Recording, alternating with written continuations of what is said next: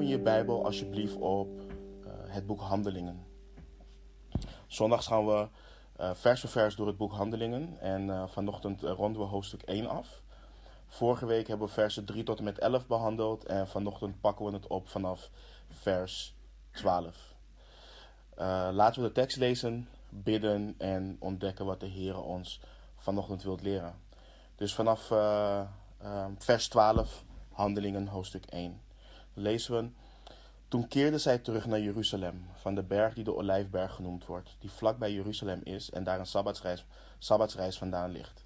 En toen zij in Jeruzalem gekomen waren, gingen zij naar de bovenzaal en bleven daar. Namelijk Petrus en Jacobus uh, en Johannes en Andreas, Philippus en Thomas, Bartholomeus en Matthäus, Jacobus de zoon van Alphaeus en Simon Zelotes en Judas de broer van Jacobus. Deze bleven allen eensgezind volharden in het bidden en smeken met de vrouwen en Maria, de moeder van Jezus, en met zijn broers. En in die dagen stond Petrus op, te midden van de discipelen. Er was namelijk een menigte bijeen van ongeveer 120 personen, en sprak: Mannenbroeders, dit schriftwoord moest vervuld worden dat de Heilige Geest bij monden van David van tevoren gesproken heeft over Judas, die gids is geweest voor hen die Jezus gevangen namen. Want hij werd bij ons uh, gerekend en had aan deze bediening deel gekregen.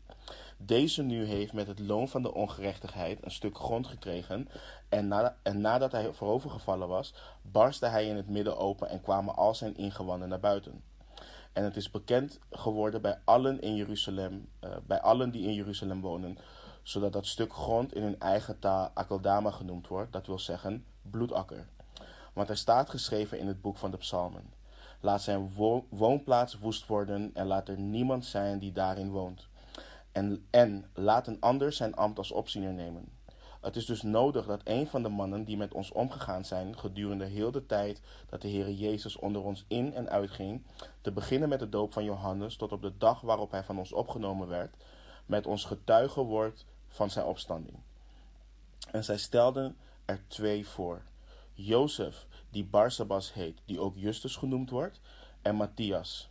En zij baden en zeiden, U, Heere, kenner van het hart van allen, wijs van deze twee er een aan die u uitgekozen hebt, om deel te krijgen aan deze bediening, namelijk aan het apostelschap waarvan Judas is afgeweken, afgeweken is om naar zijn eigen plaats te gaan. En zij wierpen hun lot en het lot viel op Matthias. En hij werd met instemming van allen aan de elf apostelen toegevoegd. Laten we bidden. Heere God, we zijn u dankbaar, Heer, dat we vandaag weer zo samen kunnen komen. We zijn u dankbaar voor uw woord. Heer, uw woord wat oneindig is, uw woord wat de kracht heeft om harten te bekeren, om zielen te bekeren. Uw woord wat de kracht heeft om ons te heiligen, om ons toe te rusten, om ons op te voeden en te verbeteren. En ik bid dat u vandaag ook dat werk in ons doet, Heer. Dat u vandaag tot een ieder van ons spreekt, dat u onze harten zacht maakt en dat wij vandaag u beter mogen leren kennen en meer ontzag voor u mogen hebben, Heer. Vader, neem afleiding bij ons vandaan. Um, heer, als we een rebellerend hart hebben, neem dat bij ons vandaan. En uh, geef het in ons hart om met een objectief hart, met een rustig hart en met een welwillend hart te luisteren naar wat uw geest vandaag tot ons wilt spreken, Heer. We loven en prijzen uw naam en bidden dat uw naam verheerlijk mag worden ook. In de naam van Jezus Christus. Amen. Toen we de serie van handelingen aftrapten, hebben we de eerste twee versen behandeld. En hebben we gekeken naar het thema doen wat Jezus is begonnen te doen en te onderwijzen. En we zagen in de eerste twee versen een belangrijke taak slash opdracht voor de kerk toen en anno uh, eh, 2020, dus vandaag de dag. En dat, dat is, de kerk hoort in en door de kracht van de Heilige Geest in gehoorzaamheid aan Christus voor te zetten wat de Heere Jezus is begonnen te doen en begonnen te onderwijzen. En de Heere heeft de discipelen opdrachten, opdrachten gegeven. Hij wil dat de wereld weet wat hij voor de wereld heeft gedaan. Hij wil dat de wereld weet dat hij de verzoening is voor onze zonde. Hij wil dat de wereld weet wat er bijvoorbeeld in Romeinen 5 vers 8 staat. Waarin we lezen dat Paulus schrijft God echter bevestigt zijn liefde voor ons daarin dat Christus voor ons gestorven is, toen wij nog zondaars waren. Dus God wil mensen met zichzelf verzoenen door het offer van Jezus Christus. En Christus heeft hen dus uitgezonden. En we, en, en we, we lezen in Johannes 20, uh, vers 21, waar de Heer Jezus zegt: Vrede zij u, zoals de Vader mij gezonden heeft, zend ik ook u. Maar voordat de discipelen uitgezonden konden worden, lazen we vorige week, in de versen die we behandeld hebben, dat de Heer hen de opdracht gaf om Jeruzalem nog niet te verlaten. En om het werk van Christus te kunnen doen, zagen we dat de discipelen de volgende vier dingen nodig hadden. Ze hadden één, een sterk fundament nodig wat betreft de opstanding van Christus en onderwijs wat betreft het koninkrijk van God. Uh, twee, een bovennatuurlijke kracht van de Heilige Geest. Drie, een scherpe en heldere focus op de grote opdracht die de Heer Jezus hen gegeven heeft. En vier, een rotsvaste hoop slash zekerheid dat Jezus Christus terug zal komen als Heere van de wereld, als Heer en Meester. We lazen, die Heer Jezus werd opgenomen, wat wij kennen tegenwoordig als de hemelvaart. En engelen zeiden tegen de discipelen dat op dezelfde wijze de discipelen de Heer Jezus hebben zien gaan, hij ook weer zal terugkeren. En dat is waar we het vanochtend weer oppakken, vanaf vers 12. En wat we vanmorgen gaan doen is, uh, wat we ook gewend zijn, we gaan de tekst vers voor vers gaan we behandelen. Maar daarna wil ik ook inzoomen op iets interessants wat de tekst ons laat zien, wat betreft uh, de betrouwbaarheid van het christendom, de betrouwbaarheid van, van ons geloof. Dus uh, we gaan eerst vers voor vers doorheen en daarna um, vatten we het samen ook. Um, wat, wat dat ons laat zien wat betreft de betrouwbaarheid van, uh, van het geloof. Vers 12. Toen keerden zij terug naar Jeruzalem van de berg die de Olijfberg genoemd werd, wordt. Die vlakbij Jeruzalem is, is en daar een sabbatsreis vandaan ligt. Dus de discipelen gehoorzamen de Heer en keren terug naar Jeruzalem. En de, en de tekst leert ons dat dit allemaal, dat we vorige week ook al behandeld, dit allemaal op de Olijfberg plaatsvond. Wat een sabbatsreis van Jeruzalem vandaan ligt. In Lucas 24, uh, 52 lezen we dat na de hemelvaart van de Heer Jezus Christus de discipelen hem aanbaden en met grote blijdschap terugkeerden naar Jeruzalem. En, en probeer je voor te stellen hoe dat voor ze moet zijn geweest. Ze hebben de Heer dag en nacht, um, uh, dag in dag uit, hebben ze hem meegemaakt. Ze kwamen tot de conclusie: dit is de Christus, dit is de zoon van de levende God. Ze wisten het zeker, Jezus is de verlosser, maar dan wordt hij gekruisigd. En dan sterft hij aan het kruis. En vervolgens wekt God hem op uit de dood en verschijnt hij aan hen 40 dagen lang, wat we hebben gezien. En hij onderwijst hen over het koninkrijk van God. Hij zegt dat de Heilige Geest gaat komen en Um, en, en, en ze horen dat hun Heer terug zal komen. Dus het is, het is logisch dat ze dan vol blijdschap uh, aanbidden en gevuld met hoop en zekerheid teruggaan naar Jeruzalem van de, van de, van de Olijfberg. En een sabbatsreis is de afstand wat een persoon mocht afleggen op de sabbat zonder dat ze in overtreding waren van de wet van Mozes. Um, het is overigens niet bepaald in de wet van Mozes. Rabbies hebben dit zelf bepaald. Uh, maar de afstand is ongeveer zo'n 800 meter tot een kilometer. Um, um, is, de, is de olijfberg van, van Jeruzalem. Dus dat, dat, was, dat was echt een, een, een hele leuke en korte reis, maar in, vol in aanbidding. En dan lezen we vanaf vers 13. En toen zij in Jeruzalem gekomen waren, gingen zij naar uh, de bovenzaal en bleven daar, namelijk Petrus en Jacobus en Johannes en Andreas, Philippus en Thomas, Bartholomeus en Matthäus, Jacobus de zoon van Alphaeus en Simon Zelotes de, um, en Judas, de broer van Jacobus. En deze bleven allen eensgezind volharden in het bidden en het smeken, met de vrouwen en Maria, de moeder van Jezus, en met zijn broers. De namen van de discipelen worden ons gegeven in vers 13 en de opvallende lezer ziet dat de naam van Judas Iscariot ontbreekt, omdat hij afgeweken is om naar zijn eigen plaats te gaan, wat we later ook gaan lezen. Maar we zien iets belangrijks gebeuren in vers 14. Um, iets waar we als kerk vandaag um, de dag veel van kunnen leren. Kijk, ik zei al in het begin van deze serie, we hebben anno 2020 hebben we te maken met veel traditie in de kerk, veel voorkeur van mensen. Uh, mensen die vinden dat de kerk X of Y hoort te doen, of X of Y juist niet hoort te doen. Um, en hoe ze dat horen te doen. En je hoort veel bewegingen zeggen dat we terug moeten gaan naar de kerk in handelingen, maar dat doen ze het weer op hun eigen wijsheid. En ik geloof dat God ons als kleine gemeente in Lelystad ook wilt wijzen op wat Hij belangrijk vindt en wat de kerk deed en hoe de kerk dat deed. Want we lezen in vers 14 dat ze volharden in gebed en in smeken. En let op het woord eensgezind. Dit is een heel, heel belangrijk woord. Het Griekse woord leert ons dat dit betekent met dezelfde passie, uh, met, met dezelfde verlangens of in overeenstemming met elkaar. Het woord leert ons dat ze dezelfde gedachten hadden. Dit is hoe ze samen in gebed waren. En, en we hebben het vaker erover gehad, ook toen we in 1 Johannes waren. Christus vindt dit belangrijk in zijn kerk. God vindt het belangrijk dat zijn kerk eensgezind is. En hoe kan het dat we dit terugzien, maar wel in, in, in de kerk hier, maar weinig van terugzien anno 2020? En ik geloof dat een van de redenen dat men niet verenigd meer is, is omdat ze niet verenigd zijn door de waarheid. En dat is wat we wel terugzien bij de discipelen. De opstanding van Christus, de boodschap betreffend het koninkrijk, dat verenigde hen. De belofte van de Vader zorgde ervoor dat ze samen ergens op moesten wachten. En de heldere en scherpe focus op de grote opdracht om zijn getuige te zijn en de hoop en de zekerheid in zijn terugkomst, dat is wat hun dreef. En wat hun Heer en Meester heeft gezegd en opgedragen, dreef hen om eensgezind te bidden. En daarom is het ook belangrijk dat we vers voor vers door de Bijbel gaan. Daarom is het ook belangrijk dat onze fellowship gebaseerd is op de waarheid wat we vinden in Gods woord.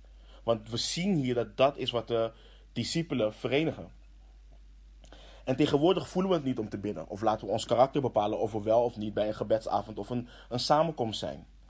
En, en ik vraag me oprecht af of we hetzelfde ontzag hebben voor de waarheid en realiteit wat de discipelen hadden. Of het ons ook blijdschap en vreugde brengt. En weet je, en je kan dan wel zeggen van, ja maar Giovanni, de discipelen die hebben de Heer Jezus echt gezien. Ze hebben hem echt in levende lijven gezien en dit had een hele andere impact op hen. Maar let op wat de Heer Jezus zei tegen Thomas in Johannes 20, vers 29. Hij zei: Omdat u mij gezien hebt, Thomas, hebt u geloof, geloofd.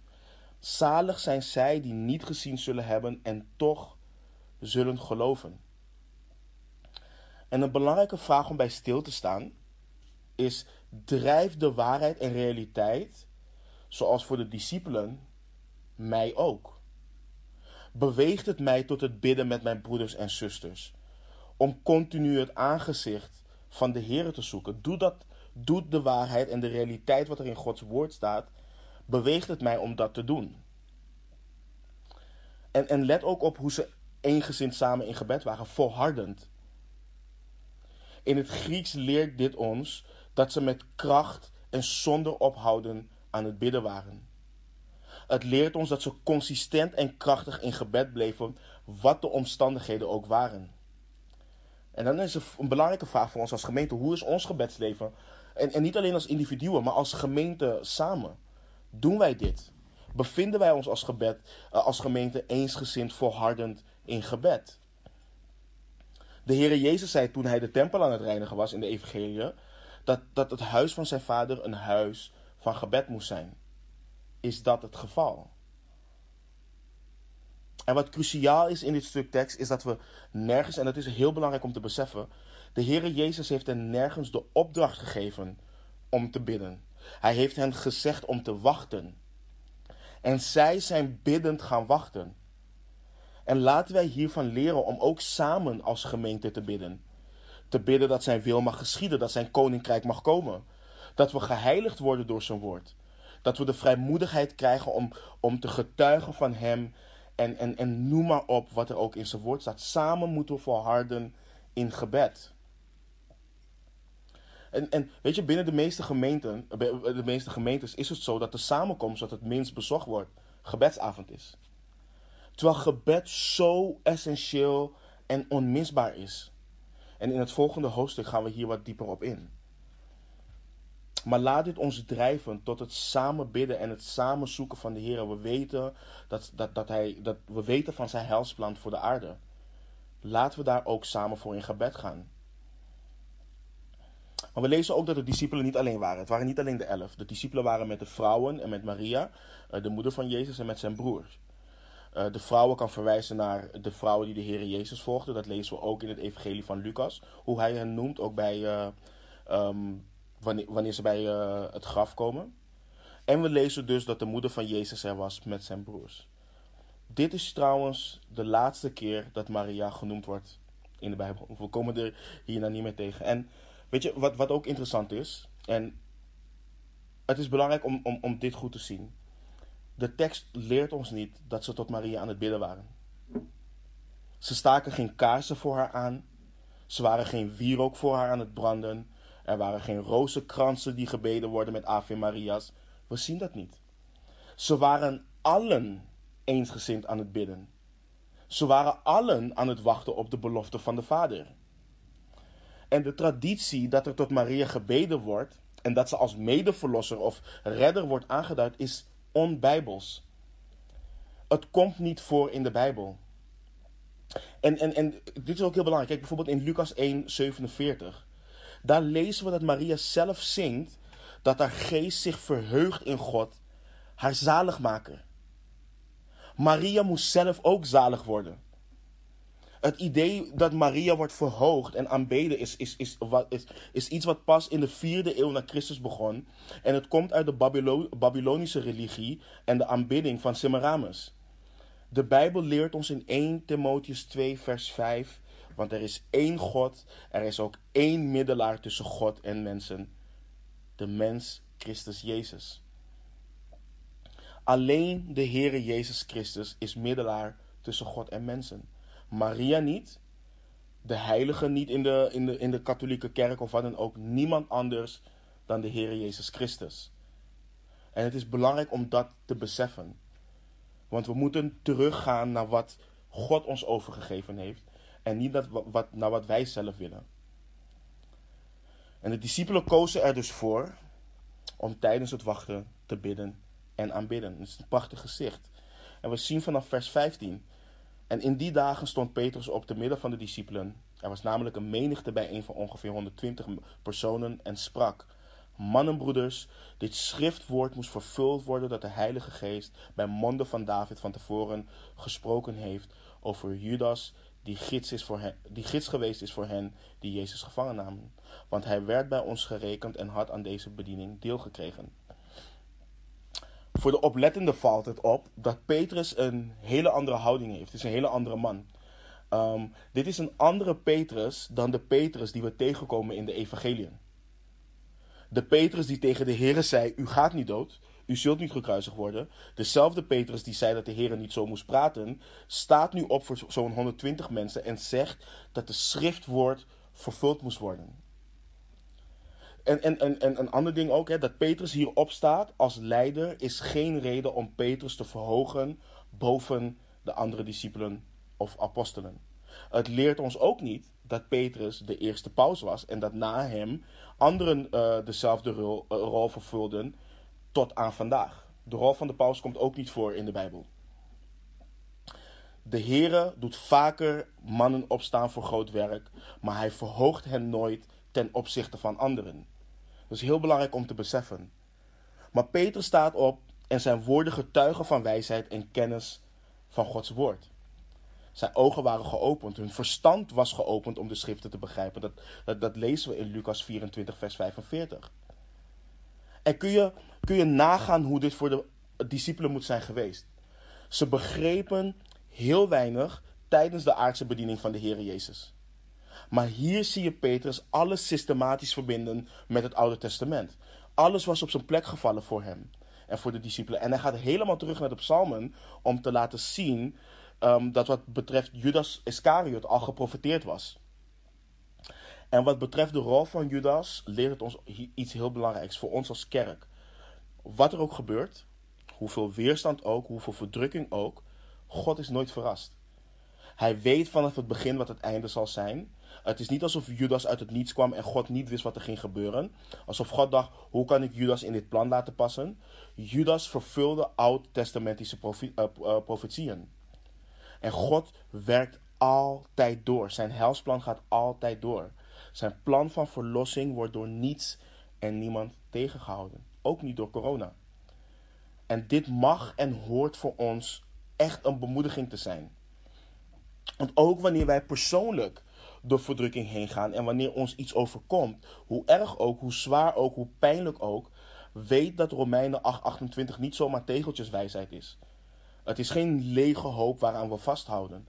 Gods soevereiniteit, het feit dat Hij controle heeft over alles en dat Zijn goede wil zal geschieden in ons leven, is echt zo. Want Paulus schrijft, en wij weten dat voor hen die God liefhebben, alle dingen meewerken ten goede, voor hen die namelijk, die overeenkomstig zijn voornemen, geroepen zijn. Markeer dit vers, mediteer op dit vers. Het is echt belangrijk. Maar terug naar Petrus. Petrus leert ons dat de Heilige Geest bij monden van David van tevoren gesproken heeft over Judas. En Petrus doelt hier op een aantal versen uit de psalm. Psalm 41, vers 10 bijvoorbeeld. Zelfs de man met wie ik in vrede leefde, op wie ik vertrouwde, die mijn brood at, heeft zich tegen mij gekeerd. Psalm 41, vers 10. Ehm, hij zal ook kunnen doelen op uh, Psalm 55, versen 13 en 14. Immers, het is geen vijand die mij hoont, anders zou ik het verdragen hebben. Het is niet mijn hater die zich tegen mij verheft, anders zou ik mij voor hem verborgen hebben. Maar u bent het, o sterveling, als mijn gelijke, mijn leidsman en mijn bekende. Psalm 55, versen 13 en 14. Ik was trouwens vergeten te zeggen aan het begin van de, van de studie. Door eh, technische omstandigheden hebben we vandaag niet dat de versen op Facebook in, ehm, in de comment section worden uh, geplaatst. We hebben het wel op YouTube. Dus als je de versen wilt hebben, kun je naar de video op YouTube gaan. En daar worden alle versen ehm, onder de video geplakt. Maar Judas deed wat het Oude Testament voorzegd had dat hij zou doen. En het is ook belangrijk, het is niet dat God hem zo gemaakt heeft. Het is niet dat Judas gecreëerd is om deze rol te vervullen. Uh, Judas was een gevallen man, een zondaar. Hij was wie hij was door de keuzes die hij zelf gemaakt heeft. Hij deed precies wat er in zijn hart leefde en toch deed hij dit tot vervulling van Gods plan. En als je overigens iemand, en dit is ook heel interessant, als je overigens met iemand wilt praten over het feit dat de schrift geïnspireerd is, hè, want wij geloven dat de schrift geïnspireerd is door God, de inspiratie van de schrift. Als je wilt uitleggen wat het betekent, dan kun je dus naar vers 17 ehm, kijken. De Heilige Geest bij monden van David van tevoren gesproken heeft. Dit leert ons dat de Bijbel niet woorden van mensen zijn, maar woorden van God door de monden en pennen ehm, voor zover we pennen op die manier hadden in die tijd, en pennen en profeten en andere schrijvers van de Bijbel. Net zoals Petrus zelf ook schreef in 2 Petrus 1, vers 20 en 21. Hij schrijft daar onder leiding van de Heilige Geest: Dit moet u allereerst weten: dat geen enkele profetie van de schrift een eigenmatige uitleg toelaat. Dus wat we tegenwoordig doen, hè, jij kunt bepalen wat jij vindt van dit vers en jij kunt bepalen wat jij vindt van dit vers. Petrus zegt ons: dat kan niet. En hij zegt, want de profetie is destijds niet voorgebracht door de wil van een mens, maar heilige mensen van God door de Heilige Geest gedreven hebben gesproken. En dit is waarom de Bijbel relevant is. Waarom het vandaag de dag nog steeds relevant is. Waarom we de Bijbel op deze manier bestuderen. Het is het woord van een oneindige en alwetende God die zijn hart en wil openbaart aan zijn schepping. Dat is wat dit ons leert. Dus het argument van ja, maar de Bijbel is geschreven door mensen. De manier waarop mensen dat bedoelen is niet zo. Het is geïnspireerd door de Heilige Geest die mensen heeft gebruikt. En, en we lezen, Judas had deel aan de bediening. Hij was onderdeel van de twaalf. Maar Judas was nooit gered. De Heer Jezus heeft dit ook vroeg al laten weten. We, we lazen dat in Johannes 6, versen 70 en 71. Waar Jezus hun antwoordde. Eh, we lezen Jezus antwoordde hun. Heb ik u, de twaalf, niet uitgekozen? En één van u is een duivel. En hij doelde op Judas Iscariot, de zoon van Simon, want die zou hem verraden. Een van de twaalf. En Judas was precies een van de mensen waar de Heer het over had in Matthäus 7, vers 21. Niet ieder die tegen mij zegt: Heere, Heere, zal binnengaan in het koninkrijk der hemelen, maar wie de wil doet van mijn Vader die in de hemelen is. Judas is iemand precies die geprofiteerd heeft in de naam van de Heer, die demonen heeft uitgedreven in de naam van de Heer en krachten heeft gedaan in de naam van de Heer. Maar toch lezen we vanaf vers 18 het volgende over Judas. Deze nu heeft met het loon van de ongerechtigheid een stuk grond verkregen. En nadat hij voorovergevallen was, barstte hij in het midden open en kwamen al zijn ingewanden naar buiten. En het is bekend geworden bij allen die in Jeruzalem wonen, zodat het stuk grond in hun eigen taal Akeldama genoemd wordt, dat wil zeggen bloedakker. Het loon van Judas was 30 zilverstukken. En dat, was, dat is wat hij kreeg voor het, over, eh, voor het verraden en het overleveren van de Heer Jezus aan de Joodse leiders. Maar we lezen in Matthäus 27 dat Judas berouw kreeg en dat hij terugging naar de overpriesters en oudsten om de 30 eh, zilverstukken terug te geven. Matthäus 27 leert ons dat ze het niet wilden terugnemen en dat Judas de zilverstukken vervolgens gooide. Maar met dit geld, wat officieel nog steeds van hem was, um, hebben, ze, hebben een stuk grond gekocht. Dit, dit, stuk grond werd een begraafplaats voor vreemdelingen. En Joodse geschiedenis leert ons dat Judas zichzelf ophing. Dat, dat lezen we ook in Matthäus. Um, en later begon op te zwellen en waarschijnlijk brak het touw of de tak van de boom waaraan hij zichzelf hing. En nadat hij voorover, voorovergevallen was, barstte hij in het, midden, of in het midden open en kwamen al zijn ingewanden naar buiten. Niet heel smakelijk, maar dat is wat de geschiedenis ons leert. En, en let op wat Lucas ook schrijft. Hè. Lucas omschrijft niet hoe Judas doodging. Hij, hij schrijft simpelweg wat er daarna is gebeurd. Maar dit is een verhaal bekend bij allen in Jeruzalem. En die plek kreeg de naam Bloedakker.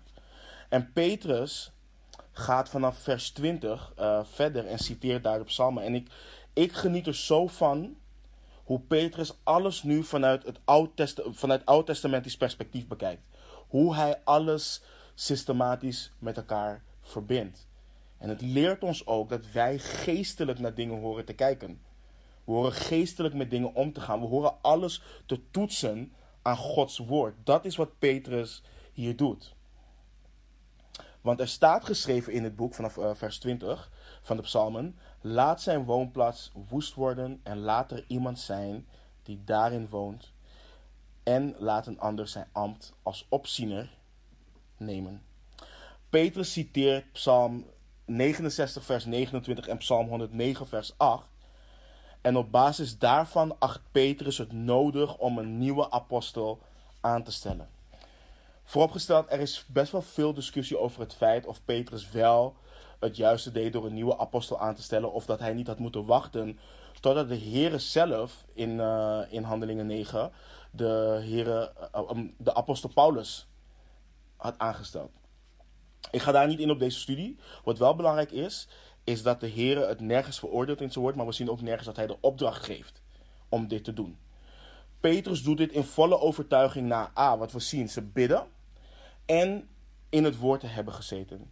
Wie de Heer als twaalfde apostel heeft aangesteld, zien we wanneer we in de eeuwigheid bij hem zijn.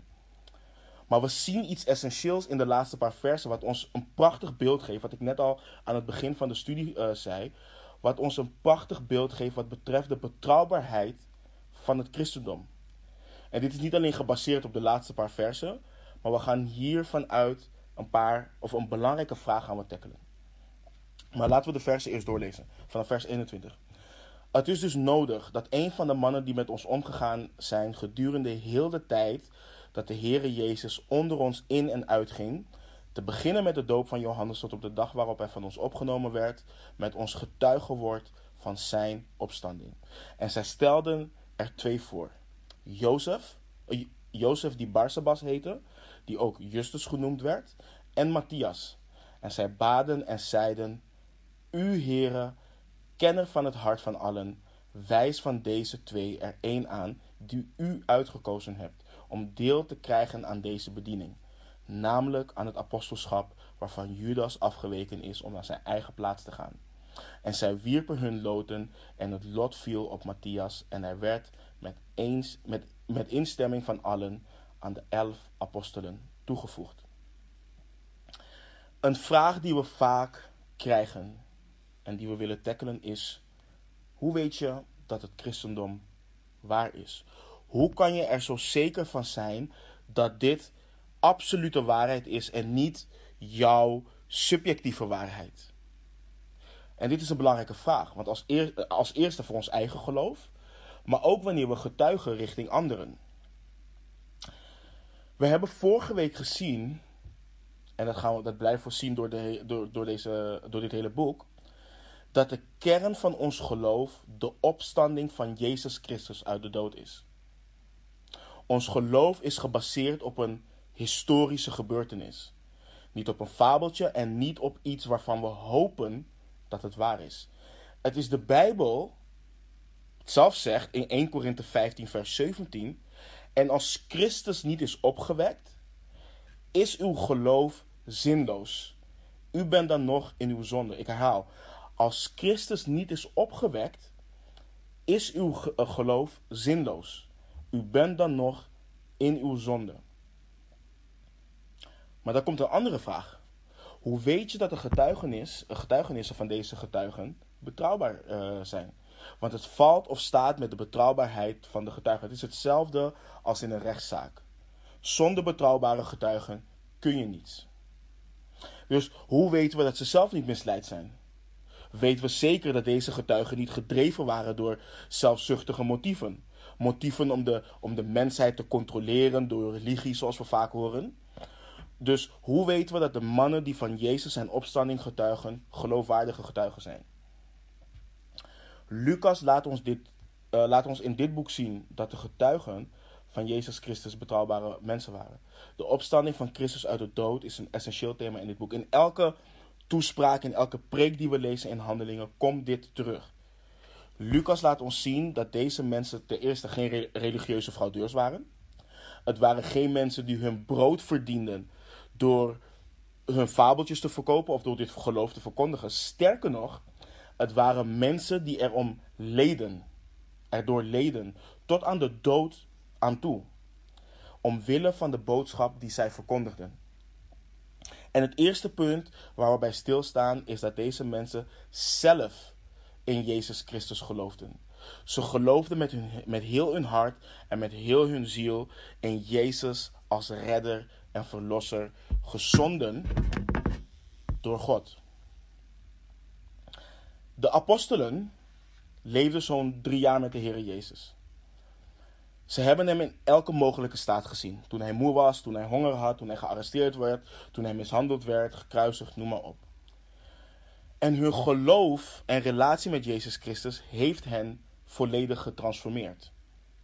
En hoewel we over de meeste apostelen niet veel historische informatie hebben, weten we genoeg door de schrift om te zeggen dat het allemaal mannen waren die positief veranderd waren door hun ontmoeting met Jezus Christus. Een voorbeeld, Matthäus, we hebben, we hebben zijn naam net gelezen, was een, een tollenaar. Hij was niet bepaald populair, hij was niet bepaald geliefd. Men reageerde hetzelfde op iemand als uh, Matthäus als je vandaag de dag hoort dat iemand bij de Belastingdienst werkt. Die mensen zijn niet echt heel populair. Tollenaars waren in, in, in dienst van Rome.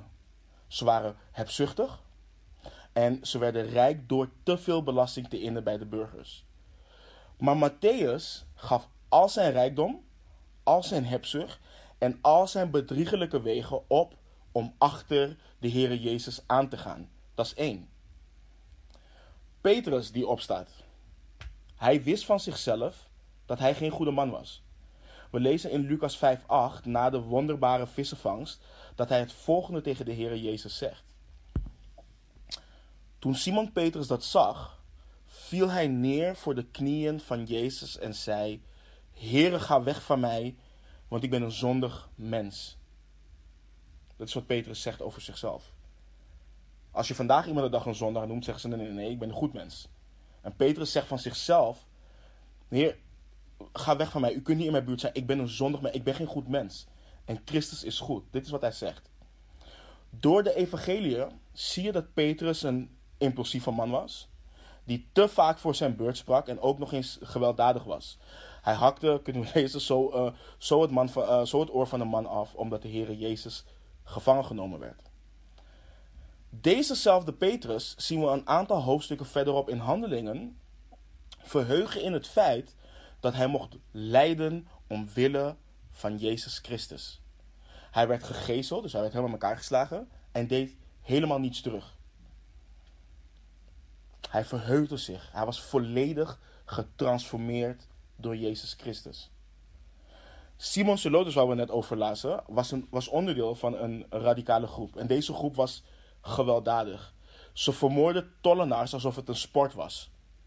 En nu zie je hem samen met Matthäus, de ex-tollenaar, eensgezind bidden en smeken in één ruimte tot God. Dit kan niet als er geen transformatie in jouw hart heeft plaatsgevonden. En zo kun je doorgaan over de apostelen.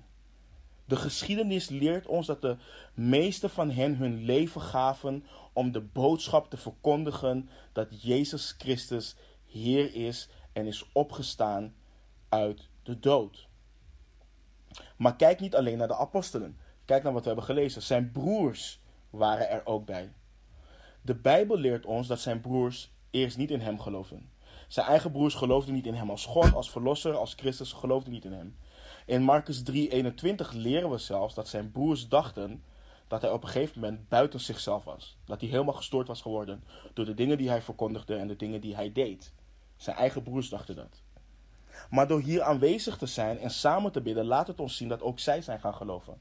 En Paulus leert ons in 1 Korinthe 15, vers 7, namelijk dat na zijn opstanding Christus ook aan Jacobus, zijn halfbroer, was verschenen. Iedere persoon die aanwezig was in de bovenkamer was daar omdat hij of zij een levenstransformerende ervaring met Christus hebben gehad. Hun hart was volledig veranderd door hun persoonlijke ontmoeting met Jezus Christus. Kijk, deze, mannen waren, of deze mensen waren ver van perfect, maar ze waren niet meer de persoon die ze waren. En dit leert ons onder andere dat het christendom, ons geloof, niet een kwestie is van het accepteren van bepaalde dogma's. Het is niet het navolgen van een bepaalde morele code. Of althans, het is niet dat alleen in de basis. In de eerste plaats is ons geloof gebaseerd op het feit dat we God, de schepper van hemel en aarde, hebben leren kennen door Jezus Christus. We hebben ervaren dat we vergeven zijn van onze zonden en eeuwig leven hebben in en door Jezus Christus. Want Johannes 3:16 leert ons: Want zo lief heeft God de wereld gehad dat hij zijn enige geboren zoon gegeven heeft, opdat ieder die in hem gelooft niet verloren gaat, maar eeuwig leven heeft. Johannes 3:16. Dit is wat de discipelen geloofden, dit is wat wij geloofden. En weet je, kijk, kijk naar ieder wedergeboren christen. En ik zeg bewust wedergeboren. Want niet, we hebben net al gelezen, niet ieder die Heere, Heere zegt. Niet iedere beleidende christen is daadwerkelijk een christen. Je moet wedergeboren zijn. En iedere wedergeboren christen die ik ben tegengekomen, als ik hun getuigenis hoor, als ik ze al eerder kende voor hun bekering, hun ontmoeting met Christus laat zien dat ze volledig getransformeerd zijn. Ik vertelde het een tijd geleden toen we nog samenkwamen uh, fysiek, dat uh, we met wat broeders waren gaan eten. En dat we in een restaurant zaten en achter ons waren met z'n vijf en achter ons kwamen een aantal uh, jongens zitten die feest hadden. Van het vieren waren. En die jongens waren luid en druk en waren aan het schreeuwen. Je kent het wel, ik ga het niet eens nadoen. Maar, maar uh, ze waren ook de, de, de serveersters en zo uh, lastig aan het vallen op een, een, een, een, totaal niet charmante manier. En noem maar op. En wij dachten van, wat zijn deze gasten in hemelsnaam aan het doen? En één broeder was stil en hij zei is onvoorstelbaar. Ik was, voordat ik tot Christus kwam, was ik een van deze mannen. Ik was een van deze mannen. En als je hem nu leert kennen, kijk, ik, hij, ik, ik zag die jongens daar. En als je hem nu leert kennen, is het volledig andere, het is een volledig andere man. En dat is wat Jezus Christus doet met het leven van een persoon. Later, wanneer we uh, de bekering van de apostel Paulus gaan zien, dan zie je hetzelfde. Jezus Christus verandert mensen volledig. Dus deze mensen geloofden oprecht in Christus en hadden, zijn veranderd door hun relatie met Christus. En dit brengt ons naar het tweede punt, het volgende punt: gehoorzaamheid in het gebed. We lazen net dat de discipelen zich in een bovenkamer in Jeruzalem bevonden. Waarom waren ze daar? Want dat hadden ze niet zelf besloten. De Heere Jezus zei tegen hem om daar te wachten op de belofte van de Vader. En waarom is dit significant? Want soms lezen we dingen en zeggen, oh, ze zijn gewoon in Jeruzalem. Jeruzalem was niet een plek waar volgelingen van Jezus met open armen werden ontvangen. De Heere Jezus was nog geen anderhalve maand geleden gekruisigd in Jeruzalem. Dus daar zijn, daar wachten en bidden was geen logische keuze. Deze mannen waren gehoorzaam aan Christus omdat ze zeker wisten dat hij was wie hij claimde te zijn. En ze wisten dat wat hij beloofde ook daadwerkelijk zou gaan gebeuren. De gehoorzaamheid van de apostelen toont ons dat ze geen mannen waren die hun eigen wil deden en een religieus imperium aan het bouwen waren. Vergeet niet, dit, dit waren vissers, het waren tollenaars. Ze verdienden al een aardig zakcentje. Ze hadden hier geen religie voor nodig. En al zeker geen religie waarvan de hoofdrolspeler net gedood was in de stad waar ze aan het wachten waren. Dus dit waren mannen of mensen van gehoorzaamheid en gebed, wat voortkwam uit hun geloof in Jezus Christus. En nu het volgende punt, wat ook voortkomt uit de laatste versen die we zojuist hebben gelezen. De discipelen waren zorgvuldige getuigen. En, en wat bedoel ik hiermee? Kijk, ik zei al eerder, ook in de vorige, vorige studies, de discipelen, het waren geen religieuze uh, genieën die het christendom hebben uitgevonden. Ze waren geen strategen, ze waren geen marketeers, ze waren geen grote denkers. Ze waren geen briljante filosofen. Ze waren niet eens briljante theologen. Voordat Christus hun verstand had geopend, begrepen ze heel weinig van de schrift.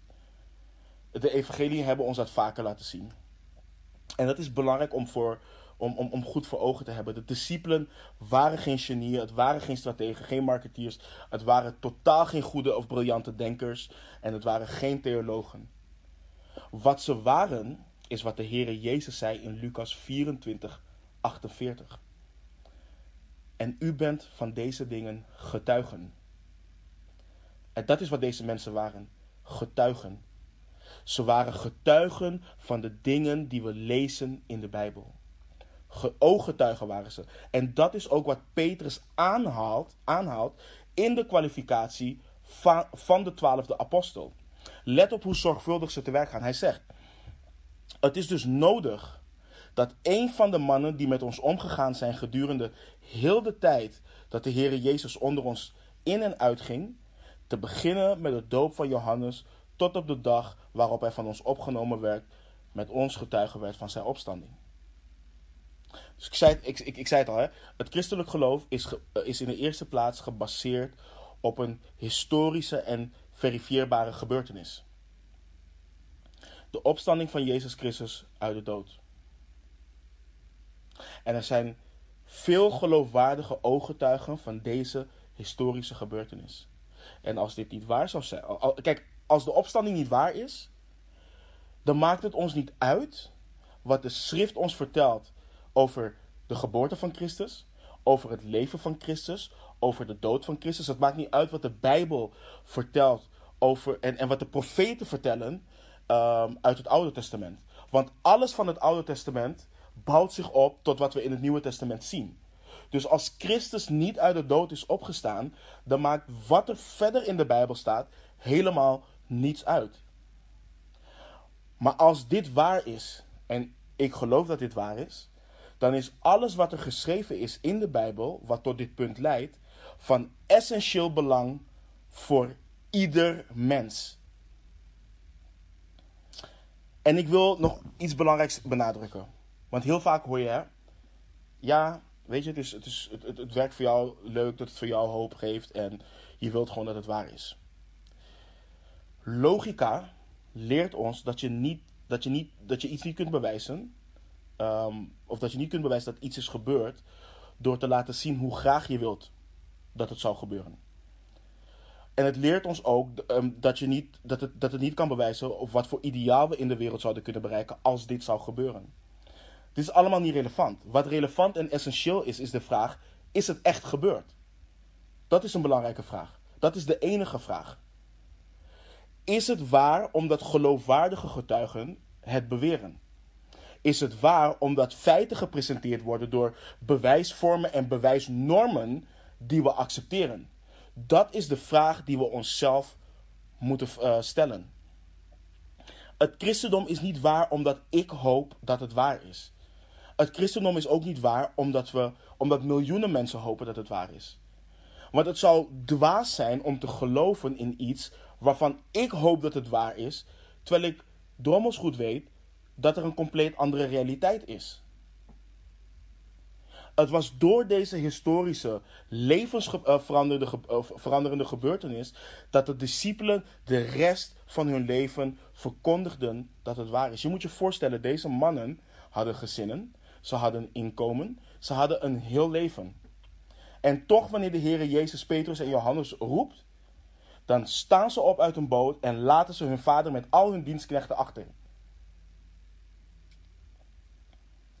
Dus het getuigt van intelligentie van ieder mens om hun getuigenis in overweging te nemen en deze of te accepteren of af te wijzen op basis van bewijs wat dit ontkrachtigt.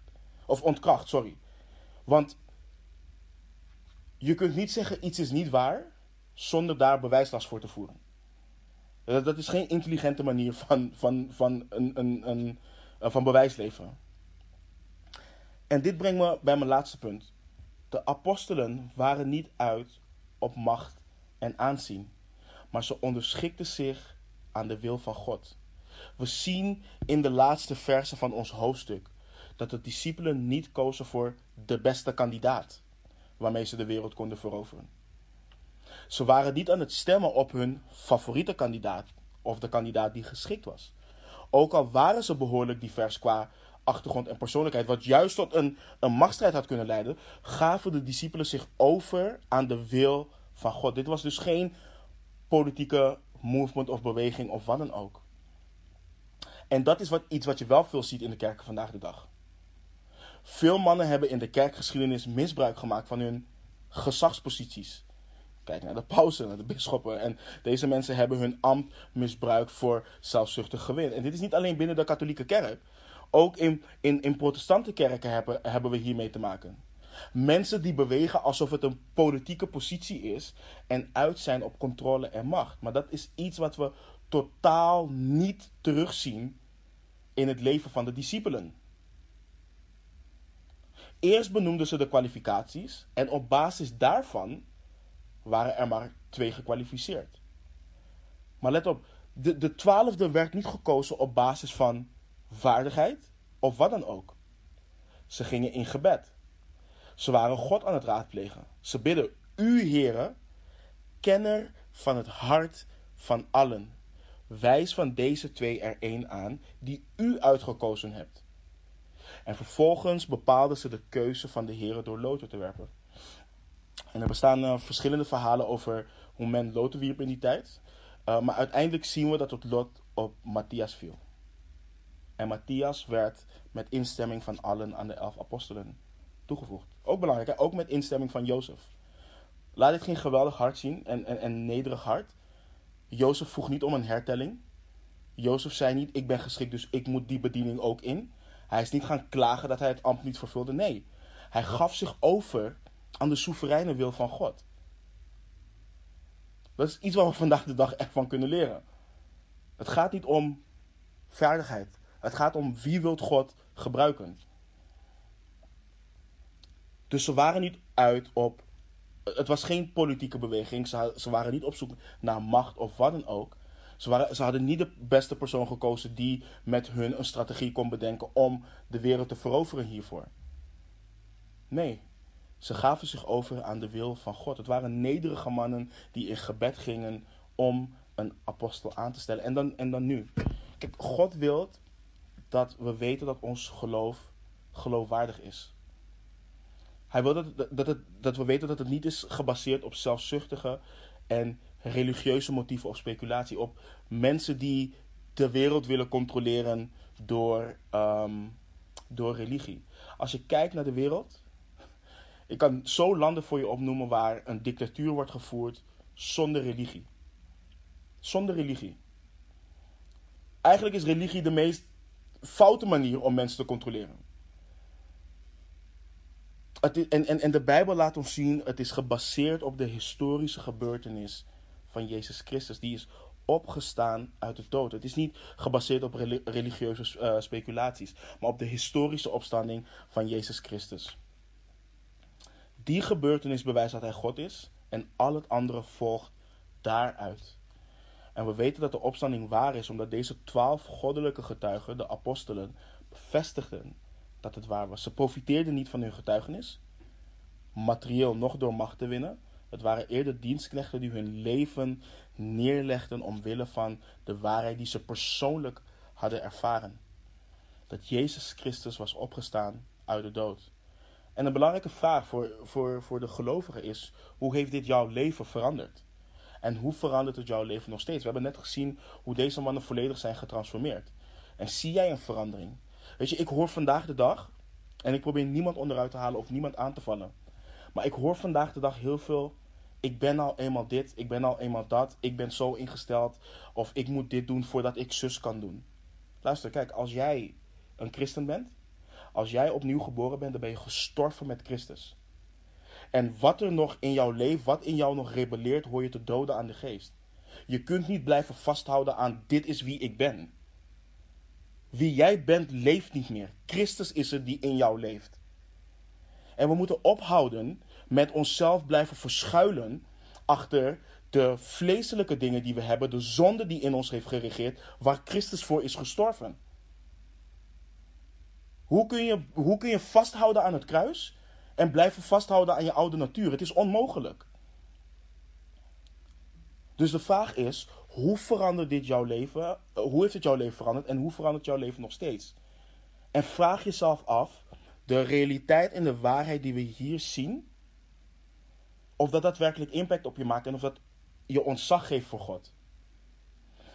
En misschien kijk jij vanochtend mee en geloof je, niet, geloof je nog niet in Jezus Christus. Geloof je nog niet in Hem als Heer en Meester. En misschien heb je je eigen ideeën wat betreft geloof in Jezus Christus en Hem navolgen. Kijk, het feit dat je hebt meegekeken, een hele studie hebt meegekeken, uh, plaatst jou nu voor de belangrijkste uh, keuze in jouw leven. En de vraag is: zul je net als Judas het overduidelijke bewijs over Jezus Christus negeren en achter jouw eigen verlangens aangaan die leiden tot eeuwige verdoemenis? Of accepteer je de betrouwbare getuigenissen en het overduidelijke bewijs dat Jezus de Zoon van God is die is gekomen om jou te redden, om jou vrij te maken? Jezus Christus die is gekruisigd en die uit de dood is opgestaan. Dat is de vraag die je jezelf moet, uh, die je moet stellen. Laten we bidden. Heere God, zijn u zo dankbaar, Heer. We zijn u zo dankbaar omdat we mogen vertrouwen op dit woord, de betrouwbaarheid van ons geloof, omdat u trouw bent, Heer. Omdat u waarachtig bent, omdat u trouw bent, omdat u nooit, maar dan ook nooit verandert. En het is zo bijzonder dat een God die nooit verandert, ons wel verandert. En ik ben u zo dankbaar daarvoor, Heer. En ik bid voor mijn broeders en mijn zusters. En ik vraag u om verder te gaan met het transformerende werk in ons hart. Om ons meer te veranderen naar het evenbeeld van onze Heer Jezus Christus. Om ons te heiligen, om ons om, ons, om de werken van ons vlees te doden, Heer. Om onszelf te verloochenen, om ons kruis op te nemen. Heer, het is zoals Paulus zegt: wie zal mij verlossen uit dit ellendige vlees van de dood, van de zonde? En ik bid, Heer, dat U met meer en meer kracht in ons leven zal regeren. Dat U ons denken zal hernieuwen. En ik bid dat U deze woorden ook uh, in ons gebruikt en ter herinnering brengt, Heer, wanneer wij van uw machtige werk mogen getuigen richting mensen die u nog niet kennen. Geef ons woorden van eeuwig leven. Geef ons vrijmoedigheid. En geef ons kracht om uw getuige te zijn. En Heer, ik bid voor de mensen die u nog niet kennen, Heer. Ik bid dat u, dat u tot hen spreekt, Heer. Dat u net zoals bij Lydia hun harten opent. Dat net zoals Paulus ze volledig veranderd zullen worden en dat ze niet om u heen kunnen, Heer. En dat ze, dat ze zich zullen bekeren van hun rebellerend hart en hun rebellerende wegen, Heer. Vader, het is uw wil dat niemand verloren gaat. En we beroepen ons ook op uw wil, Heer.